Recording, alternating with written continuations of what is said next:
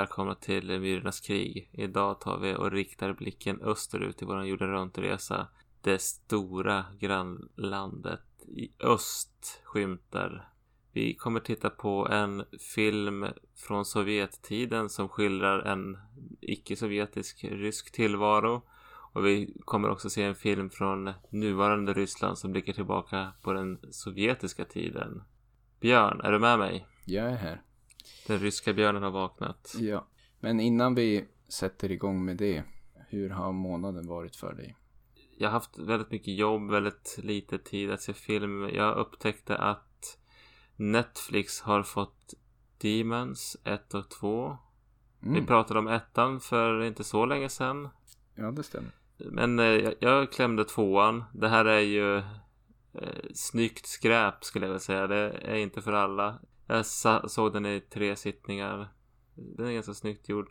Men ett tips, de finns på Netflix för den som är intresserad av att förkovra sig i 80-tals zombieaktiga besatthetsfilmer. Sen började jag se den eh, blodiga fjärilen heter den på Netflix. Det är en giallo som jag kommer faktiskt inte ihåg vad den heter på engelska men det är en, en av de här giallo-klassikerna och jag hade väl lite svårt att hålla koncentrationen men har kommit in en bit i det och jag tycker att det är väldigt underhållande för de är på en polisstation återkommande och de gör en väldigt stor poäng av kaffet i kaffeautomaten på ett sätt som får mig att skratta mer för varje gång som den förs in i handlingen. Men det är ungefär så mycket jag har sett på film den här månaden. Det är mer än 100% mer än vad jag har sett på film. Jag tror inte, jag kan inte dra mig till minnes att jag har sett en enda film den här månaden utom det som står i föremål för podden. Vi har hetsat på med vårat husletande och varit med i en massa budgivningar men det går trögt kan man väl säga. Det är ju inte så bra läge känns det som. Nej, jag vet inte när det blir bra läge. Jag tänkte ju samma sak för typ fem och tio år sedan. Att nej men det är inte så bra läge nu. Huspriserna är så höga. Och så fortsätter de bara upp och upp och upp. Nu känner vi väl ändå rent där vi är i livet är det bra läge. Men marknaden är som den är. Men ni har inte bränt flera miljoner kronor i detta ögonblick i varje fall? Inte än. Och så blir det väl lite grann ofta att den som ser efter Greta, våran dotter, har vardagsrummet som sin domän. Som gör att då när jag har lite egen tid slutar jag ofta framför datorn och det är inte lika roligt och trevligt att titta på film på datorn så att då slutar det ofta med att man sitter och tittar på annat. Jag tittar på mycket om film men inte tittat på så mycket film kan man väl säga. Det är ju alltid något. Ja. Jag har ju som också mina husbekymmer men jag vill inte tänka på dem. De är som någon sorts kokande panna i The Shining eller något annat hemsökt hus. Mm. Eh, med vattenskadorna. Så snarare motsatsen. Det är ett alldeles för lågt tryck i systemet kanske. I know. Nåväl. Out of sight, out of mind. Hur som helst så står huset fortfarande kvar. Den ryska filmhistorien kryllar inte av skräckfilm. Vi hade den ryska revolutionen som bottnar i en väldigt stor fattigdom 1917. Man hade som inte riktigt någon ordentlig filmindustri själva där vad jag förstår. Ja, det fanns en del egen filmproduktion och det var, men det var inte så mycket mer än en del komedier och dramor som byggde på stora litterära klassiker. Det var som där man vågade göra och det som man, som man trodde sålde så det importeras en hel del västernfilmer och en hel del annan film från väst som eh, man tyckte passade eh, massorna och som inte var för avvikande i budskap. Och eh, då ingick som inte skräck. Det, det ingick som inte i den bilden man ville förmedla till folket. Samtidigt så kan jag tänka mig att det var som svårt att skapa skräckfilmer för att mycket av skräck om man tänker sig eh, monster som har ihjäl enskilda människor. Det är liksom, det är inte, ingick som inte att eh, intrånget i den personliga integriteten och allt vad den skräcken handlar i, i mångt och mycket kunde handla om passar som liksom inte in i, i den bilden som folk Det var som inte ett, ett hot att bli av med sin personliga integritet för någon som delade lägenhet med 14 stycken andra familjemedlemmar eller bodde på en lantgård med väldigt många andra där man delade väldigt många led i samma rum. Så jag kan tänka mig att det kanske inte det tog inte så mycket. Mm. Om man säger. Ja, om någon gör en home invasion film hos mig så för mig är det otäckare än vad det kanske är för om jag hade varit i en stor familj där det alltid var någon hemma som kunde hjälpa en. Ja. Och där man inte hade något utrymme för sig själv. Men jag vet inte, jag kanske svamlar. Nej, men det kan nog ligga något i det. Sen är väl kanske ändå den största skälet till bristen på rysk horror, precis som du är inne på i, i början av din rant, är väl just att filmerna under Sovjeteran var tvungna att röra sig inom ganska egentligen snava, snäva ideal som skulle vara ideologiskt passande för den sovjetiska filmkonsumenten. Så vitt jag förstår. Att det var egentligen kanske mot 70-talet och senare mot slutet av Sovjeteran som en del regissörer började våga ta ut svängarna lite mer med filmer som mm. Tarkovskis Solaris och Stalker och även en del gotiska, typ sagolika filmer som hade skräckaspekter till sig men de höll sig ändå lite grann på rätt sida censuren.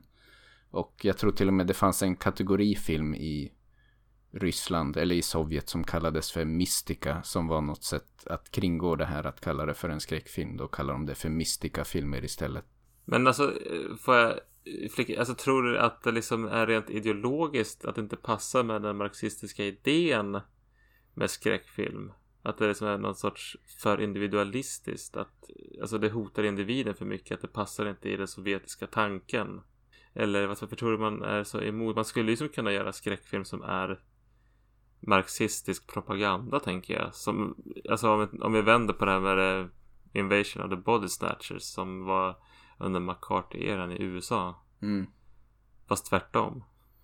Ja, kanske. Varför gjorde de inte det? du får fråga Stalin. Jag vet inte egentligen. Det känns som att det skulle kunna finnas utrymme för att göra mer ideologiskt marxistiskt rotad horror. Men som jag förstod det när jag läste på så var det lite grann det som var gängse accepterat. Det var mer det som rörde sig i komedi var liksom okej. Okay. Det höll väl massorna i, i linje och, och, annars var det väldigt mycket så här stora krigsepos som hyllade den röda armén och hej och hå. Men mm. att det var filmindustrin överhuvudtaget var mer eller mindre ett verktyg för propaganda. Och att fostra massorna. Ja. Men de kanske hade en missed opportunity där i USSR med eh, antikapitalistisk horror. Det är synd. Vi, får, vi kommer ju aldrig få veta mm. hur det, den filmen hade sett ut. Nej, men det finns ett undantag till regeln i alla fall. Och det är den filmen som vi ska börja våran introduktion till de ryska skräckfilmerna med.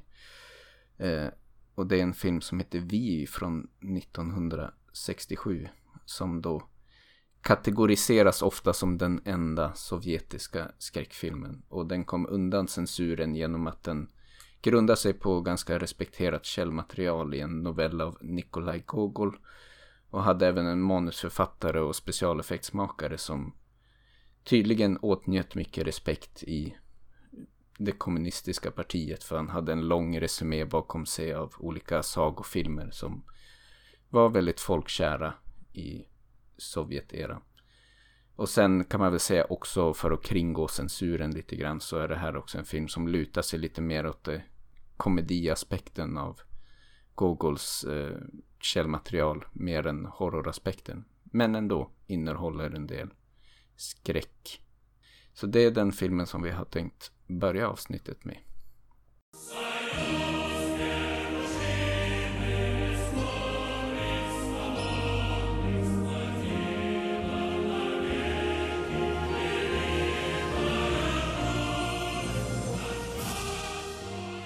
Den heter på svenska Prästseminariets likvaka också. Den beskriver väl lite mer vad den handlar om. Det är en ung präst som stöter på en häxa och sedermera på väldigt förvirrande sätt slår ihjäl den häxan. Eh, och senare visar sig att häxan i fråga då var dotter till, om jag minns rätt, vad som var en rik handelsman eller bonde eller något sånt i alla fall. Men den här bonden, eller dottern uttrycker till eh, bonden slash handelsmannen som sista önskan att den här prästen då ska komma och hålla likvaka för henne. Eh, när hon dör, eller efter att hon dör. Och eh, på den vägen är det prästen tvingas ut till den här byn för att hålla vaka över det här liket och sen börjar kusliga saker att hända. Ja, han ska vaka över henne tre nätter. Mm. Och det blir som värre och värre för varje natt och han dricker mer och mer vodka för att stå ut. Men om vi ska ta det lite grann enligt våran S-bar struktur då. Ja, och S-bar för den oinvigde lyssnaren så är det en förkortning på ja, S står för skräck eller skrämsel eller spänning. Alltså där filmen skräms med. Och sen B är berättandet. Ja, men hur man får förmedla sin berättelse, hur skådespelarna fungerar och så vidare. A är det audiovisuella, så kort och gott. Och R är det här vår rekommendation eller är det inte en rekommendation? Så vi börjar med S helt enkelt. Ja, vad har vi på S? Ja, det... Jag säger, ja, det är ju, precis, nej men det är ju Den här filmen är väl aldrig riktigt skrämmande. Den, det är ju som den här döda häxan vaknar ju från de döda och Eh, ställer till med en hel del spratt för den här stackars prästlärlingen eller vad man ska kalla honom.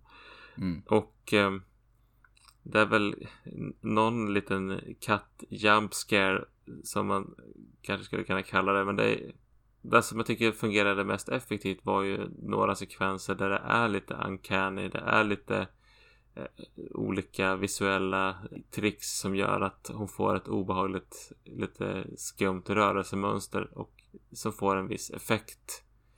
Och det är ju mycket under den här likvakan som i och för sig är typ de sista 20 minuterna på filmen. Det hinner hända ganska mycket innan det. Men som utgör horroraspekten av den här filmen. Och innan det är det ganska mycket komedi över det. Men känns mm. också ganska daterat. Sen tycker jag ändå att resan till den här byn, han är ju i något sorts kloster eller vad det är och blir kallad ut till den här byn för att hålla likvakat. Det är ju också som någon märklig mardrömslik resa som egentligen kanske är tänkt att vara rolig fast på vissa sätt tycker jag är ganska otäckt när han liksom ja, han dricker väl väldigt mycket på resan och börjar hallucinera och det är som väldigt märkligt allting hur det ter sig. Och han har mm. de här kompanjonerna med sig på resan som hela tiden håller koll på honom så att han ska komma ut till den här byn. Och han försöker jämt komma undan och så dyker de alltid upp och stoppar honom på ett väldigt trevligt men indirekt hotfullt sätt. Så det blir som att han fastnar i någon konstig fyllemardröm där på resan ut som är väl också lite uncanny men ja, det är väl svårt att säga att man blir skrämd av den här filmen. Den är, den är ganska tam. Mm. Och den har väl en sorts atmosfär över sig som gör att den inte riktigt... Man väntar sig inte att det ska hända något riktigt, riktigt oväntat. Nej. Och det gör ju inte det heller kanske. Jag får ändå ge ett stort plus till den skådespelerskan som spelar liket i fråga, eller den döda häxan som du även var inne på, hon är väl den som bär upp. Det är mycket praktiska effekter också, men den otäcka aspekten som jag tycker ändå står sig än idag i den här filmen, det är ju hennes skådespeleri och hur hon framställer när hon växer upp från de döda på natten och håller på och hemsöker honom. Och gör det på ett sätt som är ganska genuint obehagligt. Sen blir det mycket av de praktiska effekterna som kommer in känns med dagens mått mätt mer dråpliga och nästan tar udden av skräcken lite grann mer än adderar till den. Vad säger vi om B då?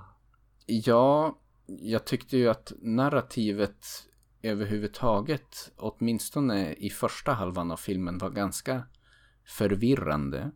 Och det är kanske det också som bidrog till den här lite uncanny feelingen över hans resa ut till byn. Men även dessförinnan så är det ju ja, det, det, saker händer väldigt plötsligt. De är på det här klostret och så ska de på permis och sen far alla präststudenter eller vad man ska kalla dem ut från klostret och nästan direkt hamnar de där i häxans klor.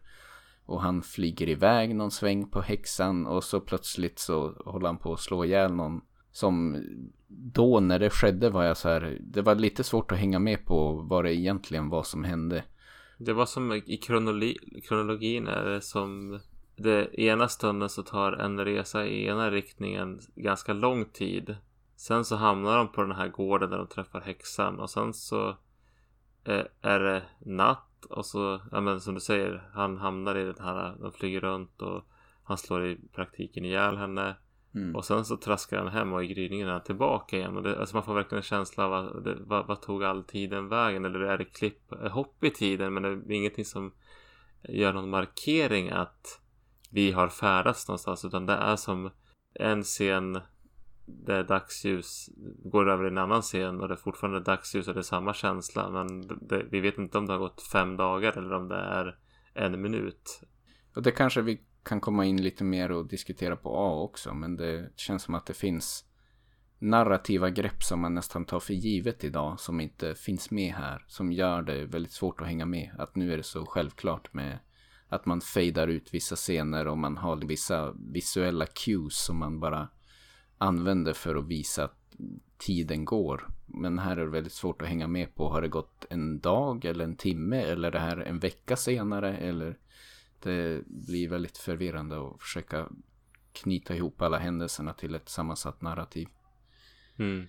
Det, det, är en brist. Sen så tycker jag att jag gillar ändå lite grann den här glada sagoberättelsen som utspelar sig framför den. Så det, jag tycker det är lite trevligt och en eh, trevlig miljö som de vistas i. Men det är ett jätteproblem i hur de här hoppen kommer. Det var jätteknepigt att få ihop det. Mm. Utan det var jag som bara accepterat att det var, det är i alla fall inga hopp i tiden fram och tillbaka utan där vi går i en riktning. Men sen så hur lång tid som förflyter. Det, det är bara i slutet när han har den här likvaka. För då är det som dag, natt, dag och natt. Ja. Men eh, samtidigt så känns det som att vissa av de här nätterna är, är som att han precis går in i kapellet och sen är det, är det morgon igen. Efter att det har hänt en del saker. Mm. Men då har man i alla fall en markering att det är hur många dagar har gått. Men det är väldigt svårt att veta hur mycket tid förflyter egentligen. Man ska prata om A då. Ja, det är väl lite grann det vi var inne på. Att det, det finns en avsaknad av narrativa grepp eller audiovisuella grepp är det väl egentligen men som man använder mer, mer standardmässigt i filmer idag för att få narrativet att flyta bättre som blir lite jarring när man ser mm. det i en sån här film. Men samtidigt så tycker jag att, att den här filmen har ju praktiska effekter i den här filmen som inte alls känns särskilt bra. Men jag tycker verkligen att de lyckas med vissa det är många sätt de filmar på som verkligen är kreativa och skap det är som väl, verklig illusionism ändå. Ja, absolut. Det blir som väldigt drömskt och eh, ja men det finns den här sekvensen när han som du pratade om när de fyllnar till med sina kumpaner att han ser eh, samma person gå ut från en dörr tre gånger parallellt. Eller hur man ska beskriva det. Och det är som gjort på ett rätt snyggt sätt. Och det är många sådana sätt om visuella grepp som är som skapar den här väldigt surrealistiska bilden. Eller vad man ska säga. Mm. Som jag tycker, som jag gillade, som var ren njutning emellanåt. Jag tycker även att musiken i filmen var väldigt bra. Och det är ju ganska musikdriven film. Det mesta av scenerna ackompanjeras av mycket musik. Och den eleverar liksom stämningen både i glada stunder och en del otäcka inom citationstecken stunder hade nog känts jättefallit väldigt platt om det inte vore för att musiken driver på väldigt bra också i den här filmen. Sen tycker jag att den känns ändå ganska daterad. Den är ju Mm. inte så gammal. Alltså 67 är ju gammalt förstås. Men hade jag bara sett den här filmen utan någon referensram. Och kanske inte visste att den var från Sovjet. Då hade jag sagt att det här var en 50-talsfilm. Kanske till och med sent 40-tal. Eh, att den känns, den känns ännu äldre än vad den är. Men, eh, men samtidigt som du är inne på också eh, innehåller en del visuella godbitar som man ändå kan sitta och små njuta lite till.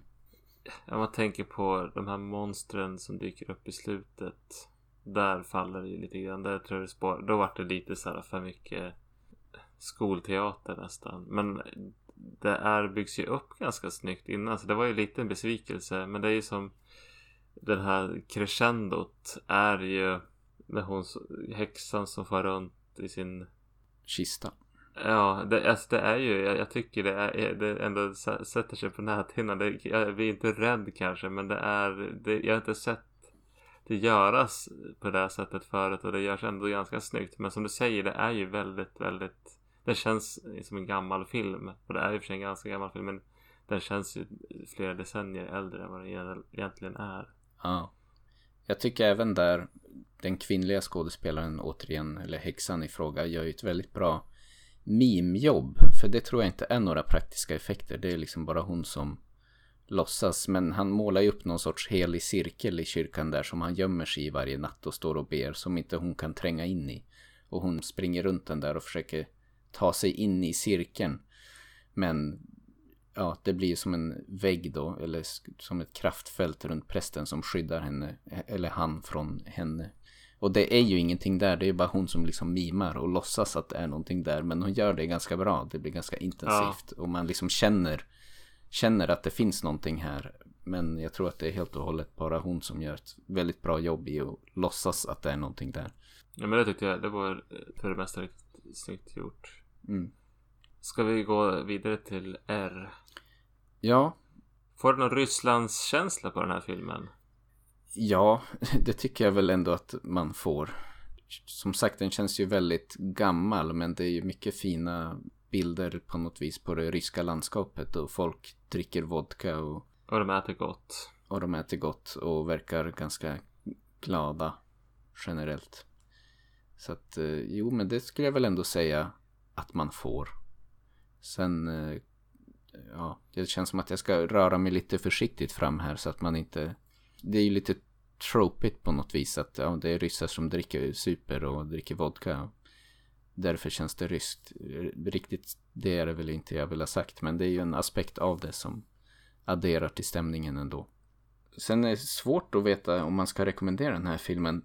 För den filmintresserade känns det som att det här skulle kunna vara en rekommendation. För den har ändå mycket intressant i sig. Jag, jag njöt, jag blev aldrig rädd när jag tittade på den här filmen, men jag var underhållen i alla fall.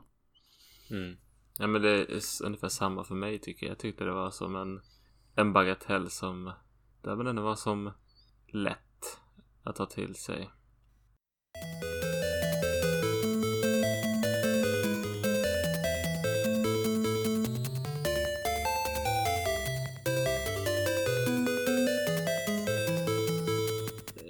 Som en liten paus. Jag kommer att tänka på det när vi pratar om uh, vodkan och att de äter mat och sånt där. I jorden runt konceptet så har vi ju bakat in att vi käkar Just det. lokal mat eller vad man ska säga. Mm. När vi ser film. Och den här gången ställde jag mig och gjorde piroger. Ganska goda piroger vill jag Det säga. var rätt festligt, ja. Jag hittade lite gammal kokt potatis och grillad paprika och annat smått och gott i kylen som jag gjorde en fyllning på. Så det, det, det kändes ganska ryskt ändå den kvällen. Det adderade till stämningen. Sen drack vi faktiskt ingen vodka. Det tycker jag var skönt. Ja, När vi såg den här Vig eller prästseminariets likvaka så fick jag ju nästan lite bakis-feeling emellanåt för att han drack så jäkla mycket vodka. Det det enda gången jag fått den känslan tidigare apropå ryska tropes det var när jag såg Leviatan som också är en rysk film från typ 2015 kanske. mm. Där det är någon sån här urspårad fest där de skjuter prick på tavlor av gamla diktatorer och dricker dricksglas med vodka och då mådde jag på samma sätt utan att ha druckit en droppe själv. Ja, man vart inte så sugen på att dricka vodka själv men det var ändå kul att förkovra sig i hela grejen, höll jag på att säga. Ja.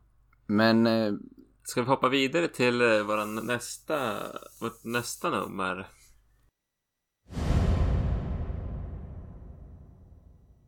Du hade ju scoutat fram Sputnik från 2020.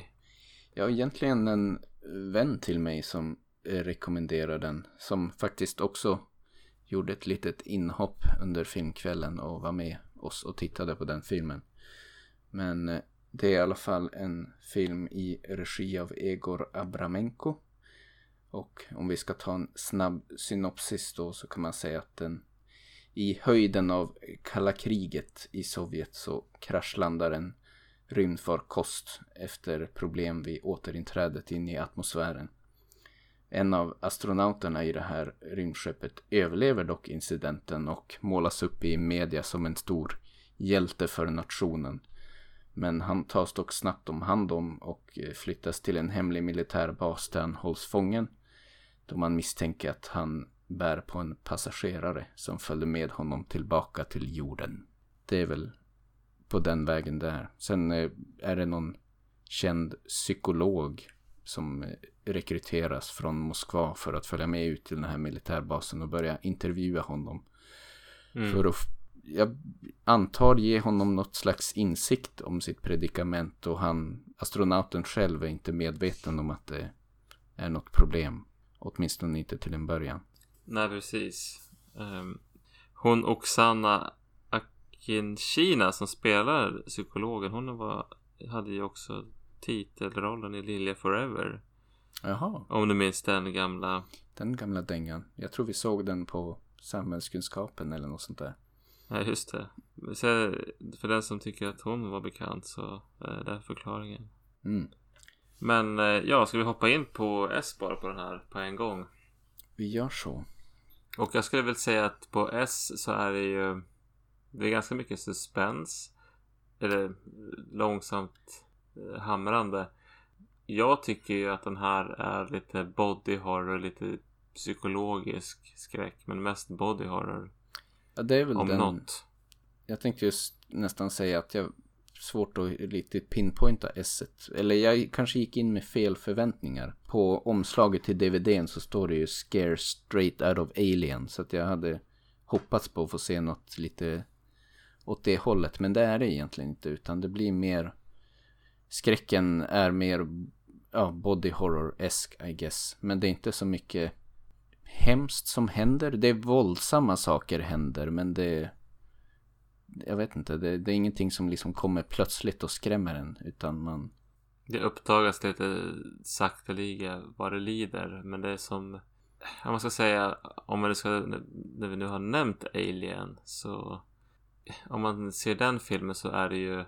Då kommer ett monster som agerar slashermördare. Mm. På ett sätt. Som en enskild individ. Men du ska återkoppla till det vi sa i introduktionen. Men här så finns den här entiteten. Det är liksom mer hur man hanterar den. Mm. Och eh, människorna runt omkring. Och systemet som de alla verkar i. Det blir mycket intressekonflikter kring hur den här astronauten ska hanteras. Det blir Jo, lite spoilervarning då, men det är liksom till saken hör att det är en typ av symbiot. Den här utomjordingen som har följt med honom tillbaka. Så att den kryper ut ur honom på natten och kryper in i honom igen på dagen. Och så är inte han nödvändigtvis medveten om att något är på tok. Men de som är runt omkring honom vet ju om det. Och de vill på något sätt rehabilitera hans status som hjälte och kunna återintroducera honom till samhället. Och eh, samtidigt vet de inte riktigt vad de ska göra med den här utomjordingen. Och det är intressekonflikter om hur den ska hanteras. Jo, för de, de är ju rädda att det inte ska gå bra för utomjordingar eftersom den är en symbiot. Och de vill ju använda den till sin egen nytta. Mm. Du nämnde ordet systemhorror nästan, det har jag för mig någon gång när vi såg den här filmen. Och det kändes väl lite Som att det var mer där i det ligger och alla de här olika intressekonflikterna på basen mellan forskare och militärer och psykologen och själva astronauten själv i hur allt mm. det här ska hanteras. Och det är inte jättemycket av horrorn som faktiskt kretsar kring den utomjordiska varelsen som ett hot. Det dör några människor på olika sätt i processen men det läggs inte så mycket tonvikt på det. Mm. B då? Jag tycker vi kan hoppa vidare till B faktiskt. Ja, vi har väl delvis berört det lite grann men det kändes ju som en väldigt slow burn det här. Men det kanske också är för att jag hade förväntningen att, ja men när, när börjar skräckfilmen? När kommer Alien komma lös och göra kaos med alla som är på rymdbas, eller på den hemliga basen? Och jag satt liksom och väntade på att det skulle hända och egentligen så händer ju aldrig det. Utan det blir mer att det kretsar kring om den här psykologen som mer och mer börjar empatisera med astronauten och vill finna något sätt att kunna rädda honom. Och så är det nog militärer som naturligtvis vill utnyttja det här som ett vapen. Och ja, det är väl där kring liksom narrativet spins. Mm. Så jag hade dock lite problem. Jag tyckte jag hade svårt att hänga med i textningen. Jag var, om jag var trött i huvudet eller om det var försvann för snabbt. Så jag, det kändes som att jag hela tiden kämpade för att så vad sa de för viktigt nu? Sen så var det inte så viktigt att hänga med i texten visade sig ändå. Jag tyckte det var som det var den här äh, systemhorrorn som utspelade sig. Något som jag tyckte inte funkade så bra det var ju egentligen kanske den här astronauten då det kändes som att filmen ville, i alla fall, att jag som tittare skulle börja känna en större empati allt eftersom det led med den här astronauten och hans predikament. Men de spenderar väldigt lite tid på att bygga upp han som karaktär så att egentligen bryr jag mig inte så mycket om vad som händer med han. Men det, psykologen börjar ju känna mer empati med honom och vill hitta något sätt att rädda honom nästan till varje pris visade sig i slutet. Men jag som tittare hade svårt att känna likadant och det kändes som att jag, jag känner inte honom. Han hade en jätte, jättekort introduktionsscen i rymdkapseln och det är summan av kardemumman och det man får veta om honom och sen förväntar sig filmen att jag ska tycka synd om honom och vill att han ska räddas bort från basen. Då är jag ändå, jag hade nästan lättare att empatisera med de här militärerna som bara ville låsa in honom för att låsa in hotet då som den här utomjordingen potentiellt skulle kunna utgöra. Jag vet inte om det är någonting som går förlorat i översättningen att, eller om det faktiskt är så. Men jag tror att det är som du säger. Det är en film som lite mer kräver ett bättre porträtt som man engagerar sig i. Ja, det var ju knappast en ofarlig utomjording heller. Han dödade ju folk lite åt höger och vänster på basen. Så att det var väldigt svårt att känna någon stark empati med psykologen och astronautens position i frågan när det visar sig så småningom att hon är nästan beredd att gå hur långt som helst för att få honom fri från den här militärbasen. Eh, och är beredd att liksom försöka rädda honom och då även symbioten och ta dem med in till Moskva. Som kändes tyckte ju militärerna då var en väldigt dum idé och jag är ändå benägen att kanske ändå hålla med dem i den frågan. Men det blev nästan lite Redda Willy över det kände jag efter ett tag. Ja. Det var typ den filmen som kom närmast till hans narrativmässigt. Men nu var det en alien som skulle räddas istället för en späckhuggare från ett akvarium. Precis, nej men det, den, den var lite seg och det blir som lite Vem ska jag hålla på? Det känns Det, det höll inte ihop på det här sättet.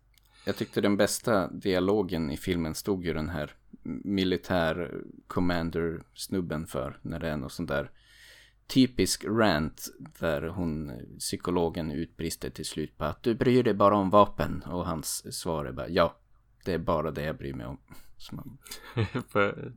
Jaha.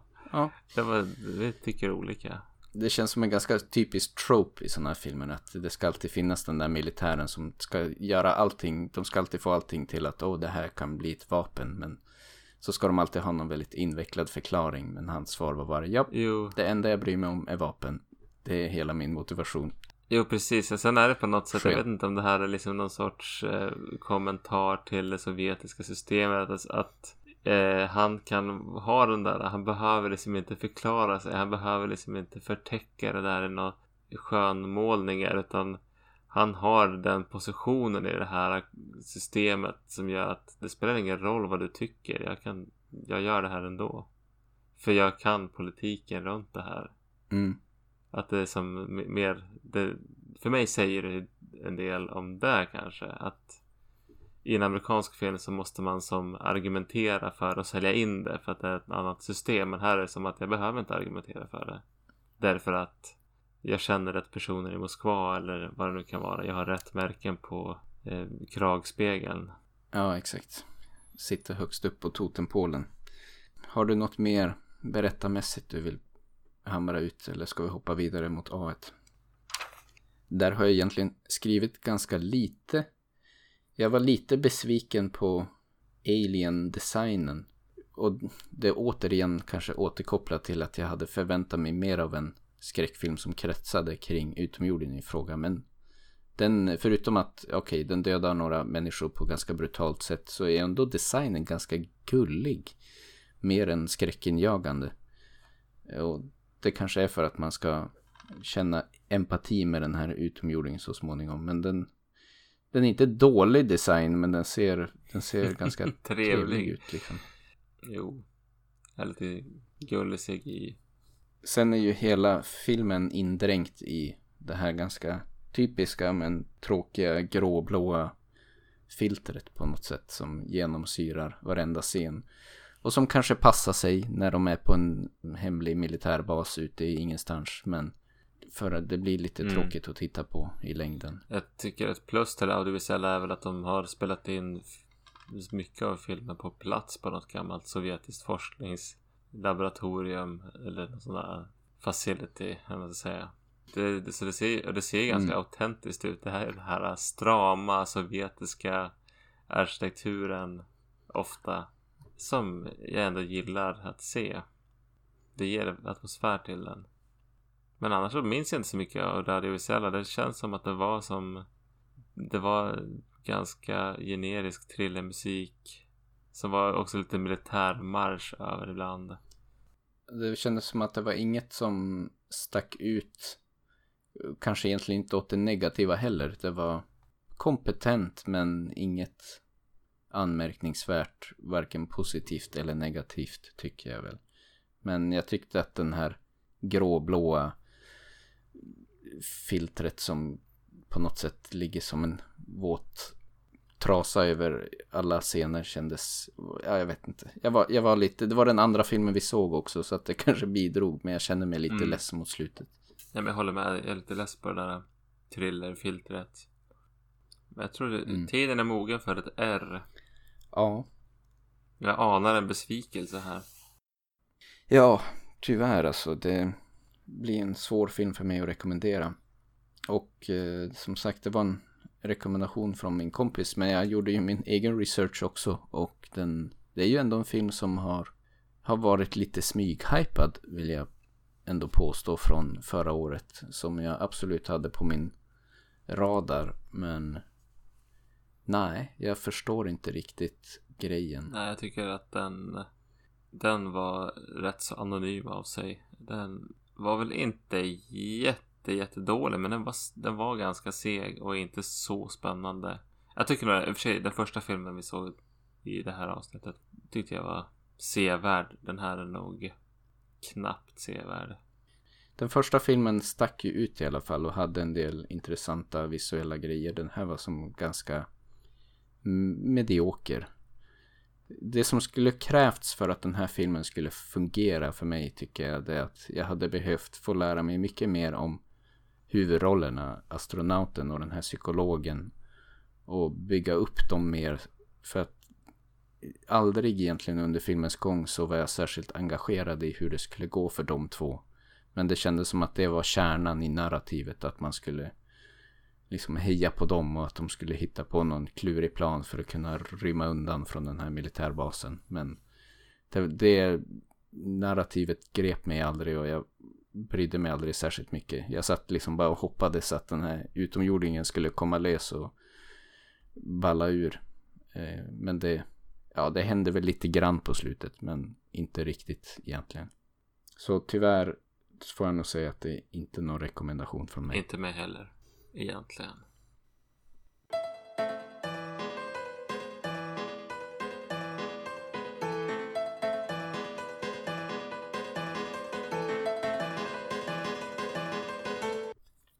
Ja, men avslutningsvis då, vad kände vi kring Ryssland som jorden runt Ja, nu har ju vad, vad, får man för känsla om det sovjetiska arvet? Var det första jag kom att tänka på att jag skulle säga. Men vi har ju bara sett en postsovjetisk film och där går det ju inte att tvätta bort eh, att de fortfarande bearbetar den eran.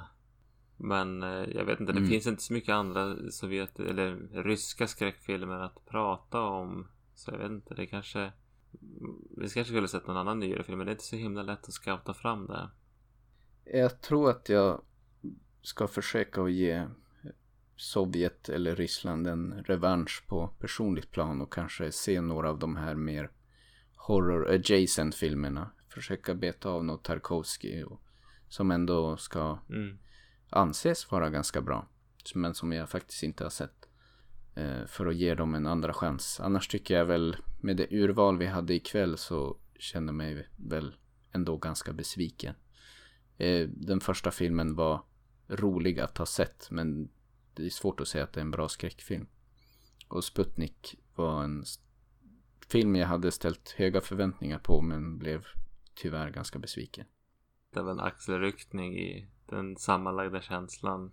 Men ändå kul att ha gjort en liten mellanlandning där. Absolut. Om vi ska blicka framåt då. Eller våras ju. Ska det då inte blicken riktas ut i rymden kanske? ja, varför inte? Ge utomjordingarna en revansch. Efter Sputnik så hade vi då tänkt att vi ska beta av Alien-filmerna och prata lite om dem. Det är ju en sån vi någon gång måste göra så det är väl lika bra vi gör det då. Eller hur? Det är något som ligger mig varmt om hjärtat också. Så att jag har tror jag, mycket att säga. Sen kanske det är mycket som redan har sagts. Det är ju filmer som har stötts och blötts i många sammanhang. Men eh, av goda skäl. Det är en väldigt bra film. I alla fall film, några av filmerna. Så där har vi att se fram emot. Men då får vi väl tacka för att ni har lyssnat den här månaden. Och så blir vi på återseende då om en månad med lite Alien-filmer. Ja. Tack och hej. Godnatt.